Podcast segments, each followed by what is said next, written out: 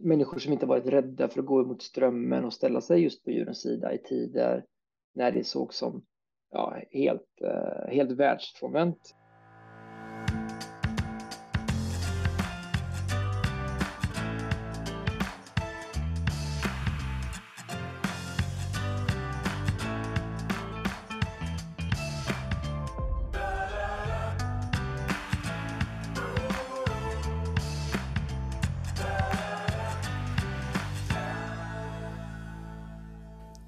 Lyssnar på Djurens Rätts podcast på Djurens Sida.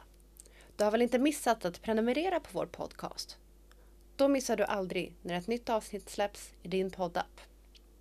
Det här är Djurens Rätts podd. Och vilka är då Djurens Rätt? Djurens Rätt arbetar globalt för att göra skillnad för de djur som är flest och har det sämst. Det har vi gjort sedan 1882.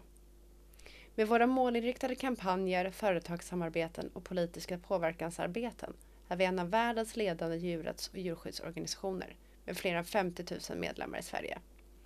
Vi fyller alltså 140 år i år. Vi är helt finansierade av Djurens Rätts medlemmar, så stort tack till dig som är medlem och gör vårt arbete för djuren möjligt. Varmt välkomna till ett nytt avsnitt av På djurens sida. Och detta avsnitt är inte vilket som helst, utan vi firar Djurens Rätts 140-årsjubileum som äger rum den 7 oktober. Jag har bjudit in Djurens Rätts riksordförande Camilla Bergvall samt generalsekreterare Benny Andersson för att blicka tillbaks på organisationens anrika historia. Och vi har även tagit in lite frågor från er lyssnare via sociala medier som vi tar oss igenom också. Men innan vi drar igång är det dags för en snabb genomgång av Djurens Rätts 140-åriga historia. Det är dags för Djurens Rätts historiesvep.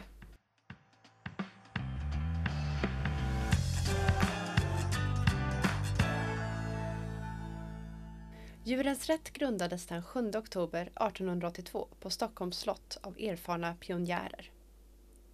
Prinsessan Eugenie är en av organisationens grundare och den första som skrev sitt namn på medlemslistan. Vid grundandet hette Djurens Rätt till något otympliga namnet Nordiska samfundet till bekämpande av det vetenskapliga djurplågeriet. Sedan 1882 har organisationens namn justerats minst fem gånger till att det år 1999 ändrades till förbundet Djurens Rätt och 2006 kortades ner till Djurens Rätt. Samma namn som organisationens medlemstidning hade döpts till nästan 100 år tidigare. Två av de mest drivande krafterna till en början var författaren Elna Tenov tillsammans med maken Christian L. Tenov som ledde Djurens Rätts arbete i nästan tre decennier. Elna Tenam har idag sitt namn dedikerat till det pris som Djurens Rätt delar ut till en samhällsaktör som inom sitt område agerar i och påverkar samhället till det bättre för djuren varje år. Vid namn Elna Tenov-priset. Under 50-talet nådde medlemsavtalet en bottennotering, cirka 640 medlemmar. Där tog många års hårt arbete vid i nästan total medieskugga och med små ekonomiska resurser under ledning av Ellen och Johan Butch som lade grunden för den organisation som Djurens Rätt är idag. Under många år hade organisationen sitt fokus riktat mot att bekämpa djurförsök. För att från framförallt 1970-talet och framåt bredda arbetet till att innefatta fler djur som är flest och har det sämst. Då, i en tid utan sociala medier och internet, var medlemstidningen det viktigaste verktyget för organisationen att nå ut med sitt budskap. På senare år har Djurens Rätt växlat upp och jobbar mycket över nationsgränserna för att på ett globalt plan kunna göra skillnad för de djur som är flest och har det sämst. Fördjupande samarbeten med de baltiska länderna och grundandet av World Federation for Animals är exempel på detta.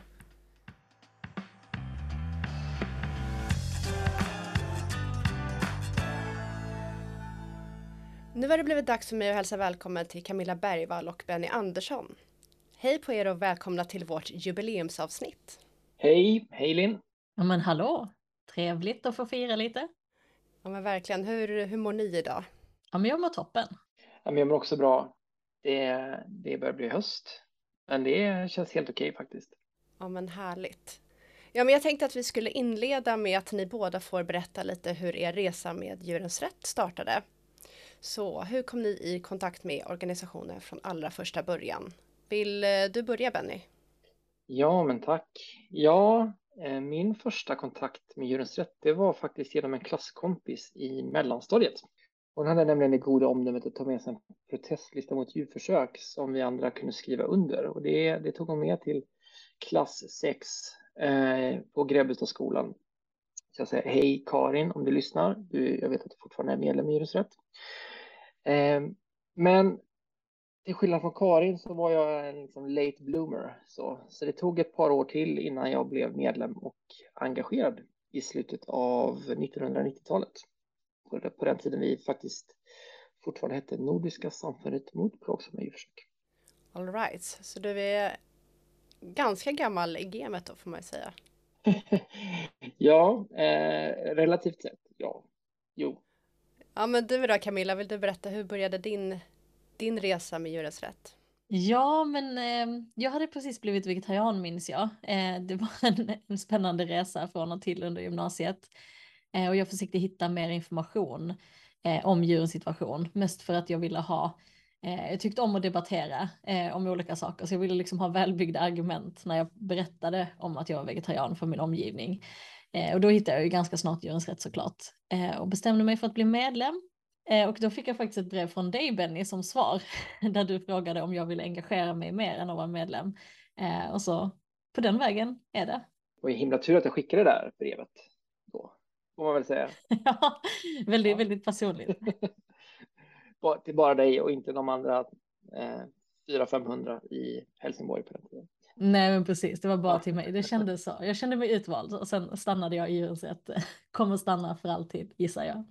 Om jag tänker att vi fortsätter lite på det här äh, personliga spåret då, så finns det någon framgång eller milstolpe som har betytt lite extra för er eh, som har skett då sedan ni eh, blev verksamma i Djurens Rätt? Mm, ja, det finns, det finns ett helt gäng skulle jag säga. Men jag får nog välja framgången med medborgarinitiativet End Cage som backades upp också av EU-kommissionen i juni 2021 så, och det, det är ju, kan ju vara början till slutet för burhållning i djurfabrikerna runt om i EU. Så det, det håller jag väldigt, väldigt högt. Ja, jag håller med Benny. NDK var otroligt mäktigt att få uppleva. Och den, liksom, jag tänker på den här mobiliseringen som vi gjorde tillsammans med djurorganisationer i Europa. Eh, det var helt otroligt när vi gick tillsammans och att det gick hela vägen. Eh, så jag tycker den också är viktig. Men om jag också får välja min, min hjärtefråga har jag varit med i något poddavsnitt utan att prata om minkar? Eh, jag tror inte det. Men, men det är min hjärtefråga och även om det fortfarande är tillåtet då att ha minkfarmar i Sverige, vilket såklart är otroligt deppigt, så har antalet minkar som föds upp minskat otroligt mycket sedan jag började engagera mig i ens rätt. Då, då minns jag den siffran var 1,2 miljoner minkar som föddes upp för sin päls. Och idag är det ju 200 000 på drygt 20 minkfarmer. Ehm, så för mig känns det lite extra fint att att ha kunnat följa den framgången eftersom det är den frågan jag själv lagt väldigt mycket tid på genom åren. Um, och nu med Fur for Europe så är jag säker på att vi kommer att få se ett totalstopp inom några år i hela Europa faktiskt. Mm.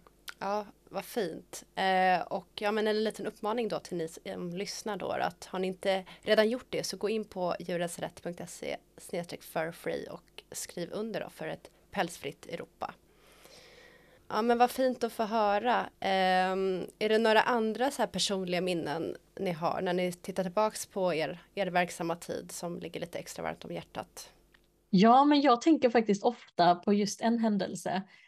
Um, det var när vi besökte en skola. Det var en, några av mina första år som engagerade i Djurens Rätt. Och vi skulle visa en film som handlade om eh, pälsindustrin. Um, och vi hade precis satt igång filmen och så var det en elev som ramlade in lite sent. Och jag såg direkt att hon hade både en pälsväst och sen en vinterjacka med en pälskrage med sig in. Eh, så jag var liksom nervös hela filmen eh, för att jag visste att det skulle bli en diskussion efteråt. Eh, och precis när vi stängde av filmen så var hon också den första som räckte upp handen. Och då sa hon, ehm, jag gav henne ordet och hon sa liksom, men gud, jag visste inte att det såg ut så här. Ehm, och då fick jag chansen att fråga henne, så här, men hur, hur trodde du att det såg ut? Eller vad, vad, tänk, vad tänkte du att pälsen kom ifrån? Eh, och hon svarade, eh, det har jag faktiskt inte tänkt på. Eh, och det är liksom, den, det var som wake-up call både för mig och för henne. Hon lärde sig om pälsindustrin, men jag förstod också att det handlar inte om att människor vill djur illa eller att människor tycker om att djur lider, utan det handlar ju om att de som tjänar pengar på ja, men pälsindustrin i det här fallet, de gör ju allt för att vi inte ska tänka på vad djuren utsätts för helt enkelt. Så genom att informera och hjälpa folk att göra djurvänliga val så, så tror jag att vi gör jättestor skillnad, för det är inte alltid så enkelt för, för den enskilde att veta allt och tänka på allt och sen veta vad man ska välja istället. Um, så den här tjejen som jag träffade i den skolan, hon, hon sa också det att jag kommer inte, jag kommer inte köpa pälsen mer. Eh, så det var otroligt häftigt att få se från att ha dubbla pälsar på sig till att säga att jag visste faktiskt inte det här, nu tänker jag välja bort päls. Ehm, så det minns jag faktiskt att tänka på ofta. Ja, jag är, rätt, jag är rätt dålig på att komma ihåg saker för egen del. Det är lite tråkigt. Jag, kommer ihåg, eh, jag kan komma ihåg många andra saker, men just egna minnen är ibland lite svårt. Men ett, ett sammantaget minne som jag har är från de fem somrar som jag reste runt på heltid med Djurens Rätt sommarturné somrarna 2006 till 2010. Och vid den här tiden så hade vi bytt namn och vi hade bytt logotyp. Vi gjorde det 2006. Så igenkänningsfaktorn hos de som jag och alla andra som var med på sommarturnén, de som vi mötte dem, den var ju jättelåg, den var snudd på obefintlig. De, de visste ju inte vad Djurens Rätt var, för det var ju liksom ett nytt namn. Så många samtal som vi hade då, det, de började bokstavligen på noll. Eh, och det var inte helt enkelt, ska jag säga, alla dagar. Eh, som vi var runt om i sommarsverige och pratade om djur och om djurs rättigheter för eh, ja, som, som Camilla är inne på, väldigt många människor, de, de känner inte till hur, hur saker ser ut, hur, hur djur behandlas. Och det var, men det var nog det som jag lärde mig allra mest under de här åren. Det var hur folks tankar går om djur och vilket bemötande som är mest gynnsamt. Och det här att människor överlag vill göra bra saker, men de vet inte alltid hur. Som Camilla nämnde här att det finns också väldigt starka ekonomiska krafter som inte vill att något ska förändras. De vill att djurfabrikerna ska fortsätta finnas.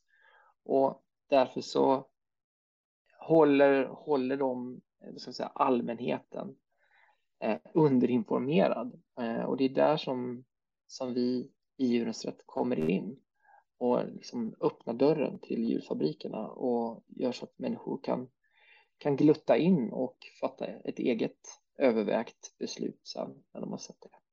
Så det är väl liksom ja, alla de här hundratals, kanske tusentals samtalen som jag hade de här somrarna och efter det.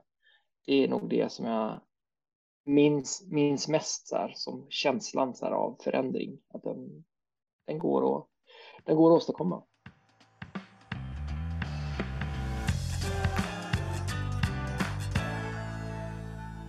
Om vi går tillbaks lite i tiden då. Eh, hur kommer det sig egentligen att Djurens Rätt grundades för 140 år sedan?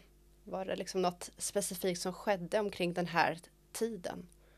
Ja, men det är bildandet av Djurens Rätt och som, som nämnts innan så hette, hette vi ju Nordiska samfundet till bekämpande av det vetenskapliga djurplågeriet. Eh, ett, ett litet nätt namn att säga tio gånger snabbt. Det, liksom bildandet av, av vår förening eller vår organisation, det var en motreaktion på just det djurplågeri som utfördes i vetenskapens namn. Eh, det var ett rejält uppsving för det som vi idag kallar för djurförsök under 1800-talets andra hälft. Eh, och samtidigt fanns det också en strömning i samhället där skyddandet av djur kom mer i fokus. Ehm, och att djur ska skyddas från lidande för sin egen skull. Att den tanken också slog rot på ett, på ett tydligare sätt. Och det fick ju resultatet i att Sveriges första djurskyddsförening den grundades ju 1870. Och det var inte eh, en slump att en av dess grundare, eh, A.L. Nordvall, också fanns med när Djurens Rätt sen grundades 12 år senare. Så, så det var, det var liksom mycket som skedde under den här tiden, alltså mycket, vad ska säga, en, en dålig utveckling eh, vad gällde när det kom till djurförsöken och en motreaktion från människor som, som tyckte att det här, det här måste eh, stoppas helt enkelt. Så det, det är den enkla förklaringen till varför djurens grundades för 140 år sedan. Ja men fint och eh, vilken skulle ni säga är den mest betydande framgången om man tittar genom djurens historia? Finns det, finns det en eller flera som ni säger som sticker ut? Ja men det finns flera såklart. Men eh, vad jag fastnar för är att Sverige fick sin första djurskyddslag år 1944. Eh, och det är otroligt viktigt såklart. Alltså från att ha pratat om att stoppa djurplågeri så började man nu prata om djurskydd. Alltså på ett sådant sätt att man ska främja djurens välmående, inte bara skydda dem mot lidande. Um, och det har gjort stor skillnad i hur samhället ser på djur som individer och inte som, som känslolösa ting tror jag. Att man liksom pratar om vad behöver djur för att må bra och inte bara hur kan vi eh, sluta eh, skapa dem lidande. Um, för det är ju två olika saker. Eh, så den första djurskyddslagen 1944 eh, vill jag lyfta fram som en särskild framgång. Mm. Ja, jag håller med. Det, den är viktig. Eh, eh, och det kan vara ju viktigt att komma ihåg att Sverige var, vi var nog sist i Skandinavien med, med att ha en, en djurskyddslag. Så det, vi, var inte, vi var inte först på bollen där. Men en annan sak som jag tänker på, det är 2003. Och det här är ju under min egen tid i, i djurens rätt. Eh, det, då förbjöds nämligen användningen av människoapor i djurförsök i Sverige. Det är en lagstiftning som på sätt och vis bryter artbarriären när det kommer till rättighetstankar. Vilka rättigheter djur har. Eh, och där har ju faktiskt flyttat då några arter, eh, några andra djurarter än människan då, eh, över till säga, vår sida av rättighetsstrecket. Det, det är inte den kanske den mest kända lagstiftningen och det, det som är synd är att den inte har utvidgats till fler djurarter sedan dess.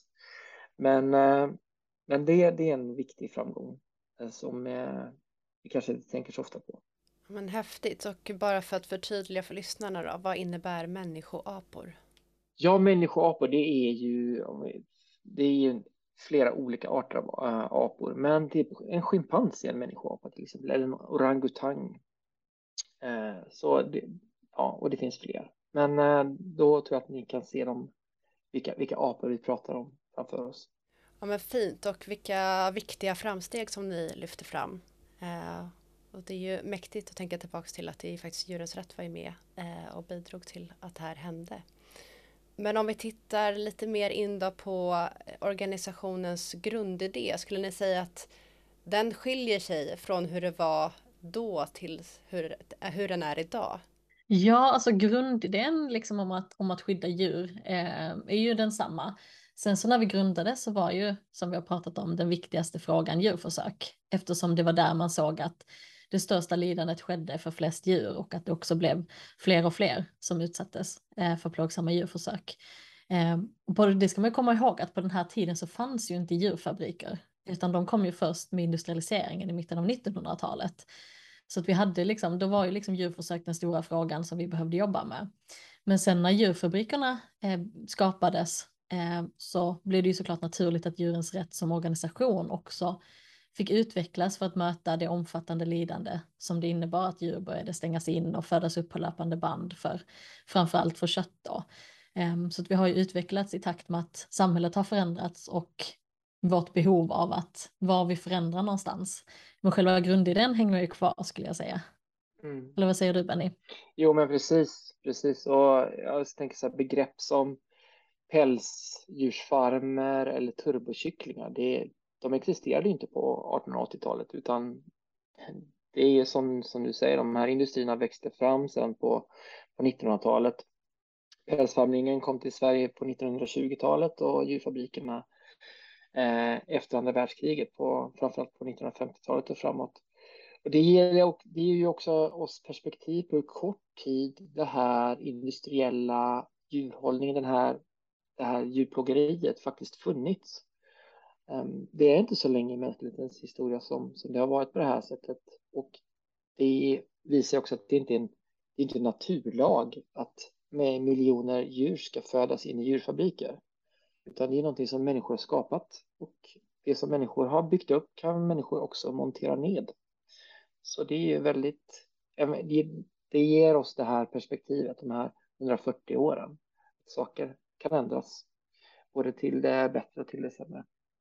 Ja, verkligen. Och eh, hur skulle ni säga att djurs status i samhället har förändrats genom årens lopp? När man hör det som ni pratar om här att ja, i och med industrialiseringen och att människan har skapat de här djurfabrikerna och pälsdjursfarmerna så låter det ju som att djurstatus har blivit mindre i samhället. Stämmer det eller har det, liksom, har det skett något framsteg skulle ni säga? Ja, men det är ju klurigt att svara på. Vi skulle säga både ja och nej till om statusen har förändrats. För jag tror att vi som samhälle eh, har blivit mer medvetna och upplever att vi bryr oss om djur. Eh, men samtidigt, så precis som du säger, så föds ju fler djur, djur upp än någonsin eh, och dödas på de mest fruktansvärda vis. Ehm, så jag tror att vi fortfarande är liksom i ofas med vårt, vårt eget medvetande och, och våra egna liksom värderingar. Ehm, så jag tror att vi, vi tror att vi bryr oss ehm, mycket om djur idag. Men, ehm, men det saknas liksom den där handlingen eh, på något sätt. Ja, ja men det, juridiskt sett är ju djur fortfarande egendom. Det har ju inte ändrats under de här åren. Alltså djur, djur är ju rent lagtekniskt eh, saker och inte, inte kännande eh, varelser så. så. Så där har inte mycket skett under de här åren.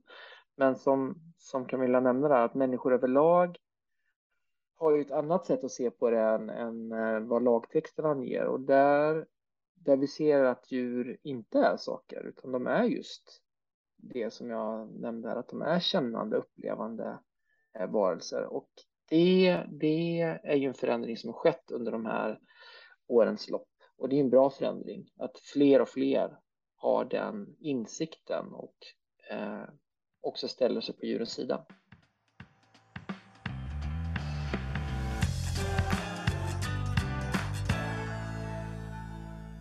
Men Djurens Rätt är idag en av världens ledande och äldsta djurrätts och djurskyddsorganisationer. Vad har varit den stora faktorn skulle ni säga till att vi har nått hit idag? Ja, alltså jag skulle nog säga att det är att vi har vågat prioritera och arbeta fokuserat. Alltså det finns ju oändligt många djur som skulle eh, behöva hjälp på olika sätt. Men att vi har insett att vi kan inte göra allt samtidigt för då blir det liksom ingen effekt av det. Utan vi måste välja att arbeta målmedvetet med vissa frågor och, och göra det tills vi är i mål. Liksom. Eh, så vårt fokus på de djur som är flest och har det sämst eh, det gör helt enkelt störst skillnad för flest individer och det är ju det är vårt uppdrag liksom att förändra för så många som möjligt. Så det tror jag är en, en viktig del i att vi har eh, nått så här långt faktiskt. Instämmer med Camilla fullt ut. Uh, igen, för jag säga så. Vi har inte varit direkt osams här om någonting. Uh, men, men det här att hålla fokus, det håller jag med om. Det, det är A och O, så att säga. Sen en annan aspekt är ju att vi också haft förmånen att ha väldigt, väldigt envisa människor i den här organisationen under alla de här 140 åren. Människor som inte varit rädda för att gå emot strömmen och ställa sig just på djurens sida i tider när det såg som ja, helt, eh, helt världsfrånvänt att välja att, att bry sig om djuren när så mycket andra problem i samhället fanns. Så det är ju bara att säga, det är bara hatten av för dem som gjorde det och eh, såg till att vi, vi är där vi är idag. Ja, där kan vi ju lägga till att vi fortfarande har väldigt mycket envisa personer i organisationen idag, där jag skulle säga att du kanske är en av de främsta, Benny. Du har ändå engagerat dig liksom länge i Djurens Rätt nu och eh, är en väldigt envis röst framåt. Så att förhoppningsvis eh, om hundra år så kan eh, någon titta tillbaka och säga att det fanns envisa personer i Djurens Rätt som kämpade även idag. Ja, jag kan säga det, det blir ju lätt, det är ju lätt att vara envis eh, när man är det i ett team. Så. Och det, det, jag, jag tänker att vi har ju väldigt många, alltså Djurens Rätt har ju väldigt många personer som har varit med väldigt länge. Så det, det är också en otrolig styrka att kunna göra det tillsammans med, med eh, människor som har kanske inte 140 års perspektiv, men några decennier i alla fall. Har det varit en spikrak väg framåt eller har det varit ups and downs under resans gång? Ja, men det har varit, det har varit många upp och nedgångar under de här, vad blir det, 13 decennierna. Um, så det, det, är inte en, eh, en linjär väg uppåt liksom, utan det, vi, man kan säga vi, Djurens Rätt, vi hade en peak strax innan första världskriget ehm, med 12 000 medlemmar ungefär år 1912, en bra minnesregel. Och det, det är ju en rejäl bedrift i en tid när radio, tv och sociala medier inte ens var påtänkta. Ehm, så, så det, det var ju otroligt starkt att vara så många på den tiden. Sverige var ju otroligt mycket mindre till befolkningsmässigt också. Men, men efter det så tappade, tappades det successivt mark fram till 1950-talets början. När vi hade strax över 600 medlemmar. Och här kom de här envisa människorna in som, som jag är så stolt över att vi har haft Eh, och kämpat på under många år i nästan total liksom, mediaskugga ehm, med att bygga upp Djurens till något som liknar det vi känner igen idag. Och sen måste jag säga 1980-talet var också ett otroligt viktigt årtionde ehm, med ett jättestort inflöde av medlemmar och viktiga politiska framgångar. Den här berömda djurskyddslagen från 1988 till exempel. Men från 1990 och 20 år framåt så då, då pekade faktiskt formkurvan neråt igen. Så eh, jag vill verkligen lyfta fram alla de som de senaste tio åren har fått Djurens Rätt För det var en organisation lite på dekis eh, som inte riktigt var i fas med samtiden eh, till att bli det vi är idag, vilket är lite mer i fas eller betydligt mer i fas med, med samhället i stort. Och där vill jag ju då lite framåtblick då. Vi har faktiskt bara börjat, skulle jag säga. Eh, för vi har jättemycket att göra. Så det finns egentligen inte något annat alternativ än att jobba på uppåt och framåt för djurens rätt. Så det är, det är bara att köra. Ja men fint och hur eh, upplever ni att människors röst för djuren har blivit starkare eh, på senare år? Eller är det ungefär likvärdigt som när djurens rätt grundades? Ja det är alltid svårt att, att liksom jämföra sådana där eh, mer eh, eh, abstrakta världen som, som människors röst för djuren. Men de som grundade Djurens rätt 1882, som vi har varit inne på, hade ju ett enormt driv. Eh, och det är ju väldigt ärofyllt för oss att ha fått ta över den stafettpinnen efter eldsjälar som Elna Tenor till exempel. Men eh, det är svårt att jämföra de olika samhällen som vi verkade i. Eh, men jag hoppas och tror att vi åtminstone lyckats behålla organisationens anda och att vi fortsätter mobilisera djurvänner för, för en förändring. Ehm, det skulle jag säga att, att vi fortfarande är, är vassa på och liksom bevarat från de tidiga åren. Ehm, så ett, lite abstrakt svar på en svår fråga. Jag vet inte om du har någon annan tanke Benny? Nej, alltså. Ja, det, det är svårt att veta. Det, vi var inte, jag var inte med liksom 1882, även om jag fått frågan om jag var med och startade Djurens Rätt faktiskt. Eh, det kanske är det här grånande skägget jag har som, som leder till den frågan. Men, men jag, jag skulle nog säga att eh, det har nog alltid funnits en väldigt stark röst för djuren. Eh, men det är nog inte förrän i vår tid som den får lov att synas, att den får komma fram. Jag tror att människor, eller jag är rätt övertygad om att människor i, under väldigt lång tid har velat Eh, förändra för djuren, men samhället har inte tillåtit det. Och det är väl det som är den stora förändringen, att vi på något sätt är med och formar ett samhälle som tillåter den förändringen. Det är viktigt och då, då vågar nog fler människor också ta klivet fram och, och höja rösten för de som inte har den. Ja men verkligen och eh, men lite som du var inne på tidigare Benny också, det finns väl en helt annan liksom, tillgänglighet att vara, vara en stark röst för djuren idag. Att det är bara att, ja, men, med sociala medier, det finns liksom helt andra förutsättningar att liksom visa den här starka rösten även om eh, våra föregångare kanske hade en stark röst också men den liksom den eh, uttryckte sig på ett annat sätt. Att vi kan höras mycket idag genom, genom internet. Så att säga. Ja, och vi har ju varit lite inne på det då, men Djurens Rätts eh, första fokusfråga var ju att få slut på de här plågsamma djurförsöken. Hur skulle ni säga att frågan har rört på sig genom åren? Är vi på väg mot ett breakthrough där, eller vad tror ni? Ja, men det här är väl den fråga som jag är mest optimistisk i, eh, skulle jag säga. Ehm, för det är ju den fråga som har breda stöd politiskt, över blockgränser och partigränser. Eh, och som jag faktiskt tror att vi kommer att se stor förändring i de kommande åren. Ehm, vi har liksom gått från att 1882 behövde vi övertyga människor och makthavare om att djurförsöken skulle fasas ut. Eh, att det fanns ett lidande där som var viktigt att lyfta fram. Men idag kan vi liksom prata om hur det ska ske, för att vi är nästan alla överens om att ja, men en utfasning ska ske så snart det är möjligt.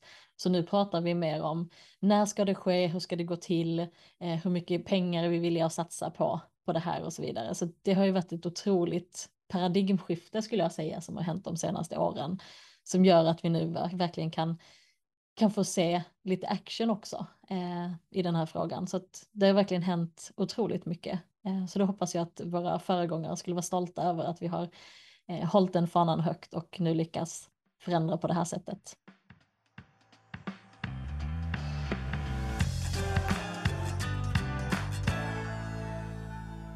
Ja men hörni, vi har ju fått in lite frågor från våra följare på sociala medier inför det här avsnittet. Så jag tänkte att vi betar oss igenom några av dem nu. Är ni redo? Jajamän. Absolut, det ska bli spännande. Toppen. Då kommer första frågan här då. När blev ni en vegansk organisation? Var Djurens Rätt veganska för 140 år sedan? Ja, men det hade varit coolt om vi var det, men jag tror att veganism som begrepp myntades ju ungefär 60 år efter att Djurens Rätt bildades, så det, det, är ju, det faller lite där. Däremot eh, så var ju väldigt många eh, av de mest drivande inom Djurens Rätt i början av 1900-talet, de var också vegetarianer. Och många var också engagerade i andra föreningar, eh, som vegetariska föreningar och djurskyddsföreningar.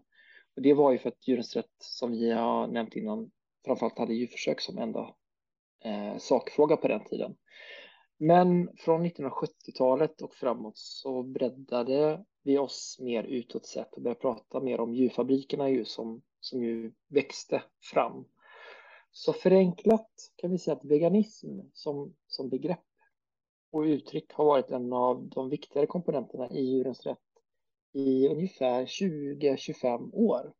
Ja men bra. Eh, vi har också fått en fråga här. Eh, vilka djur fokuserade Djurens Rätt på vid starten? Ja, det var ju framförallt de djur som utsattes för plågsamma djurförsök. Eh, och då tänker man ju främst på, på råttor och möss, men man ska komma ihåg att det är väldigt många olika eh, djur som utsätts för djurförsök både idag och, eh, och då. Ehm, så det är ju liksom alltifrån eh, det som vi kallar lantbruksdjur eh, till eh, kaniner och hundar och katter. Eh, och som Benny var inne på så förbjöds ju inte försök på människoapor förrän, förrän på 2000-talet. Så att, eh, en väldigt massa olika djur, men det handlade då om plågsamma djurförsök framför allt. Mm.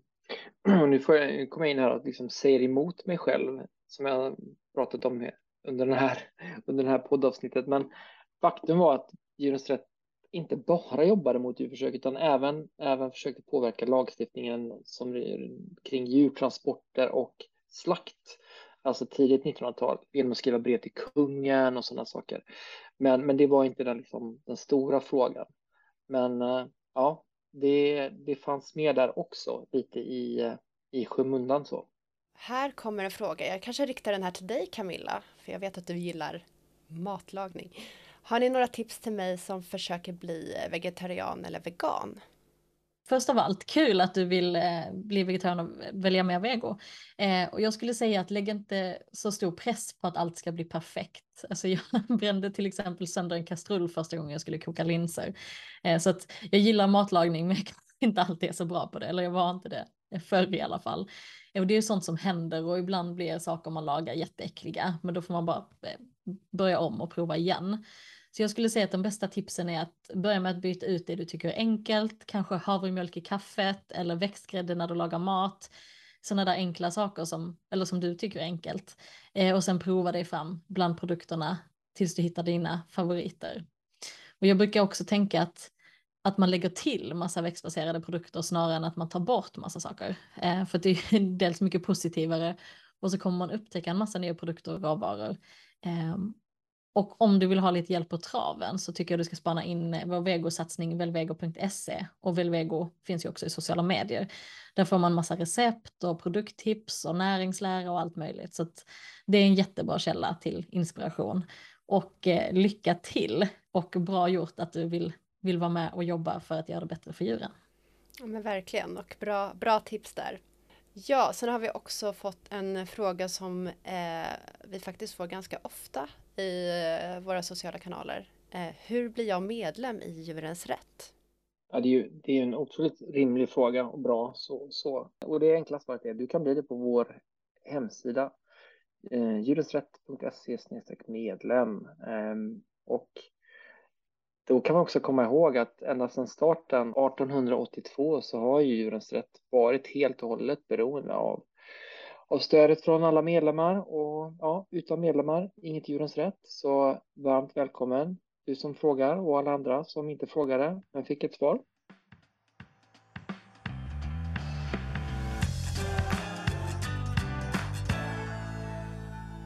Ja, men nu har vi ju pratat och blickat tillbaka i historien och sådär. Men om vi får titta fram i framtiden då? Eh, vad tror ni? Kommer Djurens Rätt att fortsatt finnas i 140 år till? Jag tror att Djurens Rätt kommer att finnas i någon form om 140 år. Vi kommer inte göra samma saker tror jag som vi gör idag. Eh, eller så här, tror jag, både hoppas och tror att vi inte gör det. Eh, men jag tror att kärnan som vi varit inne på här, kärnan kommer finnas kvar.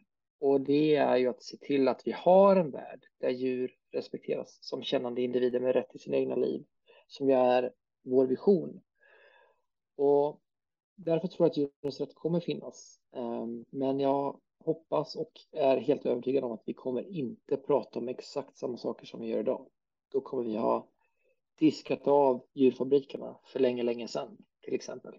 Ja, men jag tror också det. Ehm, dels att vi har slipper prata djurfabriker, ehm, men jag tror också att vi kommer finnas i någon form om 140 år. För vi ska också komma ihåg att även de rättigheter som vi uppnår är ju inte statiska, utan någonting som vi måste fortsätta försvara, eh, även när vi har eh, uppnått dem. Um, och sen tror jag att vi kommer finnas kvar, dels för att de här envisa individerna tror jag kommer finnas för djuren i djurens rätt eh, och då kommer de kommer se till liksom att djurens rätt fortsätter att arbeta på, på det bästa sätt vi kan för att hjälpa så många djur som möjligt. Så att, ja, jag tror vi finns kvar om 140 år. Ja, men det låter bra. Eh, och i och med att vi ändå firar en födelsedag här då, så hör det ju lite till att skriva en önskelista. Så därför vill jag eh, fråga er, Eh, vilken är er liksom, respektive största önskan då som ni vill att ska slå in de närmsta åren? Om vi börjar med dig Camilla. Ja, högst upp på min lista står minkarna som vanligt. jag vill såklart se att pälsindustrin är ett minne blott i hela Europa och senare då globalt. Att vi liksom inte har, pälsindustrin finns inte. Det är min första önskning. Eh, och sen hoppas jag och önskar att vi som samhälle på riktigt börjar prata om djurfabrikernas enorma konsekvenser för djuren men också för klimatet och för folkhälsan. Och att vi har politikerna liksom slutar hålla de här eh, fabrikerna bakom ryggen utan istället börja satsa framåt på hållbara livsmedelsproduktion som, som räcker liksom, ja, 140 år till, där som inte behöver eh, de här stöttepelarna som djurfabrikerna eh, behöver idag med massa subventioner i hur mycket miljoner kronor som helst. Eh, det hoppas jag verkligen händer de kommande åren. Vad önskar du dig Benny? Jag säger plus ett på din önskelista här. Jag sätter upp mig på den också. Nej, men eh, det som jag hoppas, som, eller som finns på min önskelista, eh, det är ju att vi också ser de djuren som vi inte pratar om idag så mycket. Att de också har kommit in eh, i det allmänna medvetandet de kommande åren. Och det är ju de djuren som bokstavligt går under ytan och det är ju fiskarna. Fiskarna och de andra djuren i, eh, i haven. Att vi har en liksom större medvetenhet i samhället om ja, men det lidande och vad de faktiskt utsätts för i fisket, men också i de enorma uppfödningsanläggningar som, som finns och som byggs. Eh, och där har vi ju lite så här, framtidens utmaning är ju att se till att inte återupprepa det här misstaget som vi gjorde på mitten av 1900-talet med att bygga djurfabriker och stoppa in grisar, kycklingar och kor i. Eh, och nu ser det ut som vi gör den tabben igen, fast nu stoppar vi in eh, fiskar i, eh, i det, ett sådant system. Så jag, jag håller tummarna och önskar att vi, vi slår in på en klokare väg. Ja, men bra önskningar och jag skriver väl också under på hela den här önskelistan. Men då så, då vill jag tacka så mycket för att ni var med och eh, firade vårt 140-årsjubileum så här i podden. Så stort tack för att ni var med idag. Tack själv och hurra för Djurens Rätt! Ja, hurra! Det är alltså 140 år. Det, det är ju ashäftigt att fylla. Det kommer man ju förmodligen inte själv fylla, så det är ju härligt att få fira någon annans 140-årsdag. Så jag är, det känns superbra.